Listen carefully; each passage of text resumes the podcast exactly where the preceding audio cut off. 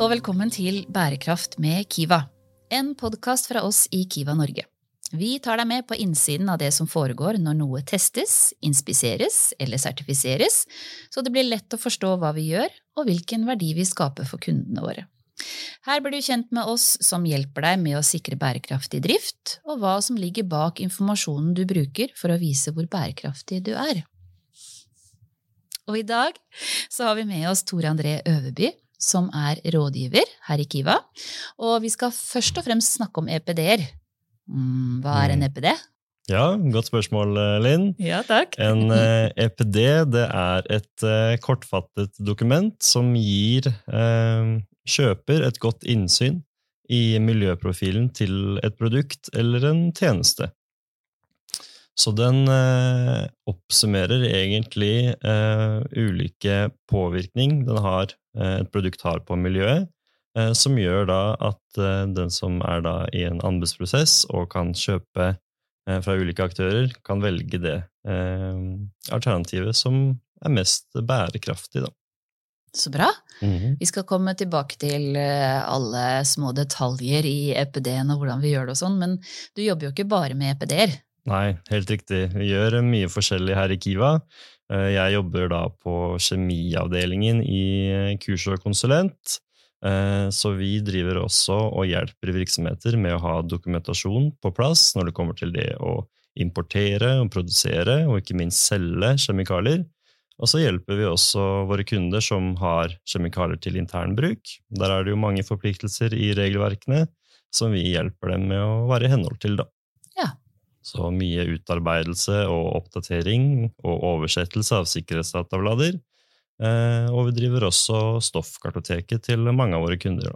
Ja, Som mm. de må ha for å ha oversikt over alle kjemikaliene som de har. Nettopp. Det er lovpålagt, ja. ja. Mm. Vi skal komme tilbake til det i en senere podkast, eh, håper jeg. Men eh, nå skal vi fokusere litt på EPD-er, miljødeklarasjoner. Og mm, hva er det typisk en kunde kommer til oss for? Når er det de kommer? Mm. EPD det er jo noe som eh, det blir bare mer og mer av. Eh, og vi ser jo at eh, mange trenger en EPD for i det hele tatt å være med i en anbudskonkurranse. Så vi har kunder som kommer til oss og sier at oi, her trenger vi en EPD for i det hele tatt å være med. Men så har vi også noen som kanskje kjenner på sitt samfunnsansvar og har lyst til å eh, ha et eh, Ha en eh, Hva skal vi si En praksis da, som opplyser sine kunder godt om deres produkt. Eh, og så har vi noen som eh, kanskje mener at sine produkter er spesielt mm. bærekraftige, da, og ønsker å få det dokumentert. Ja, mm. Så man kan bruke det i ulike sammenhenger, men det er ikke noe lovpålagt krav enda om en EPD? Nei, det er ikke det her i Norge. Eh, men vi ser jo f.eks. at eh, i Oslo kommune eh, så vil det nå fremover komme krav om ØPD-er for å være med i anbudskonkurranser når det kommer til oppdrag innenfor bygg- og anleggsbransjen, f.eks. Ja, så mm. større aktører kan bruke innkjøpsmakten sin da, til å virkelig påvirke en industri. Nettopp. Mm -hmm. mm. Og, ja, og, i tillegg da, så skal jo EPD-en da ha en veldig stor vekting da, i, eh, i anbudskonkurransen. Ja. Så det er ikke eh, For mange så holder det ikke bare å ha en EPD, man må også kanskje gjøre en liten innsats for å gjøre produktet sitt litt mer miljøvennlig. Da. Ja, mm. Og hvis vi dypdykker litt ned i selve prosessen hva, Når kunden da har signert en kontrakt med oss, vi skal gjøre en EPD, hva er det vi faktisk gjør? Ja, det er jo en eh, Det kan jo være en lang prosess, eh, fordi det vi trenger, er jo et veldig eh, Altså For å utarbeide en EPD så trenger vi jo godt innblikk i produksjonsprosessen. Så en EPD inneholder jo en livsløpsanalyse, en såkalt LCA. Så den utfører vi på en måte først, og for å få gjort den, så trenger vi informasjon. Så vi har veldig tett dialog med våre kunder om deres produksjon. Eh, og så utfører vi da en LCA etter å ha innhenta dataen vi trenger, i et eh, elegant verktøy som Kiva bruker, som heter Rethink. Da. Ok, Så det betyr at eh, produsenten må ha oversikt over hele livsløpet til ja, f.eks. den mursteinen eller den trebiten, eh, fra de tar den ut av skogen til den blir kasta på avfall. Helst ikke, da, for det, vi Ja. ønsker jo en sirkulær økonomi her. Ja, eh, helt riktig. Mm. Vi trenger godt innblikk. Og så er det jo litt sånn Det kommer litt an på type produkt òg, eh, men man starter jo da med råmaterialer. Transport av råmaterialene til produksjonsstedet. Eh, og hva som trengs av f.eks. energi og vannforbruk eh, på produksjonsplassen. Og så kan man f.eks. Stoppe der på et det vi kaller et semi-finished product, altså et, et, en komponent, da, eller en bestanddel av et større produkt. Mm. Um, Så det betyr at eh, et produkt kan være en del av et annet produkt, f.eks. sement, som jo er en del av betong. Ja. Eh, Så da har vi, gjør vi en vurdering på det som er fram til sementen skal inn i betongen. Er det det vi tenker om? Ja, helt riktig. Eh, hvis vi bruker eksempelet sement, da, så er det akkurat det. For det så er det et unntak. For her kjenner man ikke igjen produktet når det har blitt til betong. Nei. Så da trenger man ikke, eller da skal man ikke ha med eh, sluttstadiet for produktet, da, for det er ikke lenger identifiserbart. Mm. Eh, mens for eksempel hvis man skal ha en EPD på et møbel, eh, så trenger man jo da eh, også den delen av livsløpsanalysen som eh, omhandler vedlikehold, eh, hvis man skal bytte ut noe utstyr underveis, hvis det er forventa, så skal man også estimere resirkulering og gjenvinning eh, Mm. også, da. Av produktet. Mm. Hva, hva blir da forskjellen på en livsløpsanalyse og en EPD? Er EPD-en en oppsummering av livsløpsanalysen på noen måte? Ja, vi kan godt si det der. Mm.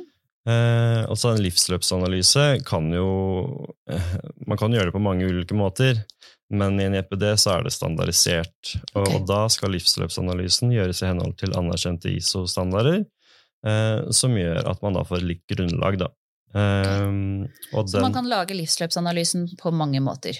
Men hvis man følger ISO 170 ISO 14040 til 14044, ja. ja, som man gjør en EPD, ja. så eh, får man det da standardisert. Eh, Det en EPD gjør i tillegg, da altså du kan ikke ha en, EP du kan ikke ha en EPD uten en livsløpsanalyse, men du kan ha en livsløpsanalyse som ikke resulterer i en EPD. Ja. Eh, Men det EPD-en gjør, er at den oppsummerer LCA-en, livsløpsanalysen, og gjør den eh, lett, lettere forståelig. Mm. Eh, og i tillegg så vil ikke en EPD avsløre f.eks. større produkthemmeligheter om produksjon og, og innhold, da, som gjør at det trygt kan ja, publiseres og gjøres tilgjengelig for alle som er interessert i produktet, uten at man avslører da, forretningshemmeligheter, f.eks. Ja, så det betyr at alle EPD-er kan man på en måte sammenligne med hverandre hvis det er tilsvarende produkt. Ja, eh, veldig, veldig godt poeng. Eh, fordi hele poenget med EPD-er er jo at det er en verifisert av en tredjepartsaktør, eh, som går da god for at informasjonen her er riktig, og at dette her er, på, ja, er i henhold til ISO-standardene, eh, som gjør da at man da enkelt kan sammenligne produkt for produkt. Mm. Og hva hvis man for eksempel ikke nødvendigvis trenger å levere til et anbud, men man har lyst til å eh, ha Det kommer jo en del krav nå i forhold til hva slags type utslipp man har, hvordan man påvirker eh, miljøet og samfunnet rundt seg. Eh, Og det betyr jo at eh, selskapene må ha oversikt over alle produktene sine, tjenestene sine. Hva slags energiforbruk har det, hva slags eh, kjemikalier er det i det. Eh, Kan det fungere i den sammenhengen også, som et type styrings- eller rapporteringsverktøy? Ja, en EPD og livsløpsanalyse gir jo veldig god innsikt i produktet. Eh, Så man kan jo selvfølgelig bruke det også til internt bruk, for det gir veldig oversiktlig bilde over ok, hvilke råmaterialer er det vi benytter som gir størst påvirkning på miljøet. Ja. Så da kan man eh, også gjøre tiltak internt, eh, som da kommer godt ut i ekstern kommunikasjon også. Ja, så man kan Mm, eh, finne andre materialer, for eksempel. for eksempel. Eller effektivisere en prosess. Ja, Absolutt. Og så får man da kanskje reduserte kostnader. Ja. Det høres ut som et genialt eh, produkt. Ja, Ja.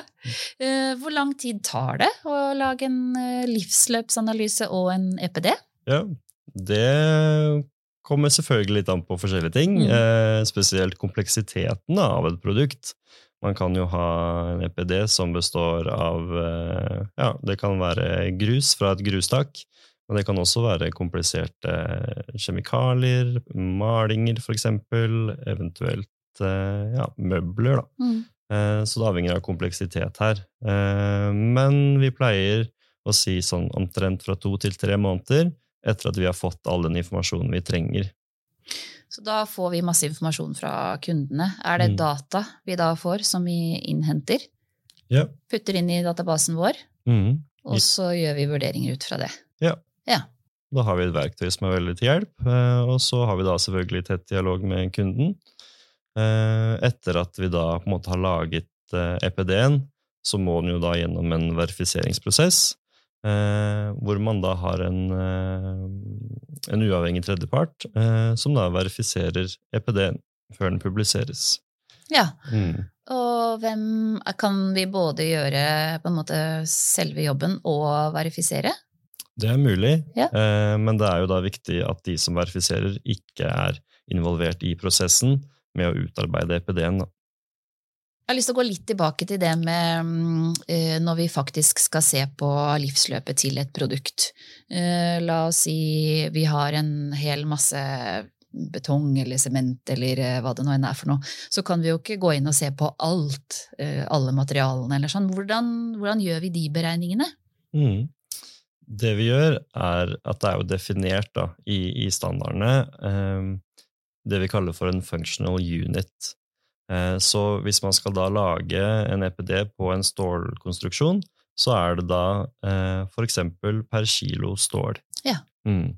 Så det gjør at det blir eh, sammenlignbart, enkelt for aktørene og, eller kundene å sammenligne ulike produkter, og da velge det som passer dem best. Ja, Mm. Og hva er vårt sluttprodukt? Hva er det kundene får fra oss? Ja. Det de da får fra oss, er da en verifisert eh, og publisert EPD, som de da kan legge ved i sine anbudskonkurranser, og da kan bruke videre i prosessen. Men eh, Tore André, hva er det du syns er så gøy med å jobbe med EPD?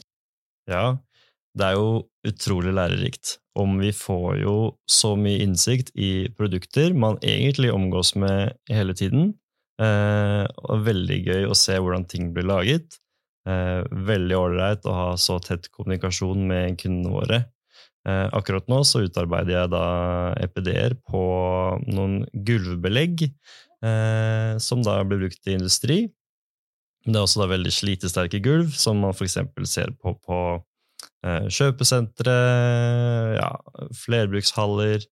Eh, så her er det ja, veldig interessant å se eh, hva ting er laget av. Det tenker man jo ikke på til det vanlige. Nei. Eh, så det er veldig mye arbeid som ligger eh, bak alt sammen, og det er veldig, veldig artig å se. Eh, I tillegg så jobber vi jo da i Kiva i et globalt team med EPD-er. Vi har jo eh, konsulenter som jobber med det over hele Europa, eh, så vi har på en måte en forankring lokalt, men så har vi da et veldig sterkt fagnettverk eh, som, hvor vi utveksler erfaring og, og, og kan bistå hverandre. Da. Så det, Så bra. ja, det er veldig ålreit. Ja, og så veldig hyggelig at du kom hit og snakket med oss om det. Nå ble jeg veldig nysgjerrig på EPD-er. Nå skal jeg utforske det litt videre og snakke om det i mitt nettverk. Jeg tror dette er et, eh, en spennende måte å gå foran på. Eh, Som vi har sagt, du kan både vinne konkurranser, du kan få mer effektiv drift, du kan spare kostnader og få god oversikt over eh, miljøpåvirkningene dine. Det er jo mer enn et kinderegg. Absolutt. Så her er det muligheter. Ja. Tusen takk for at du var med hos oss i Bærekraft med Kiva. Takk for at jeg fikk komme.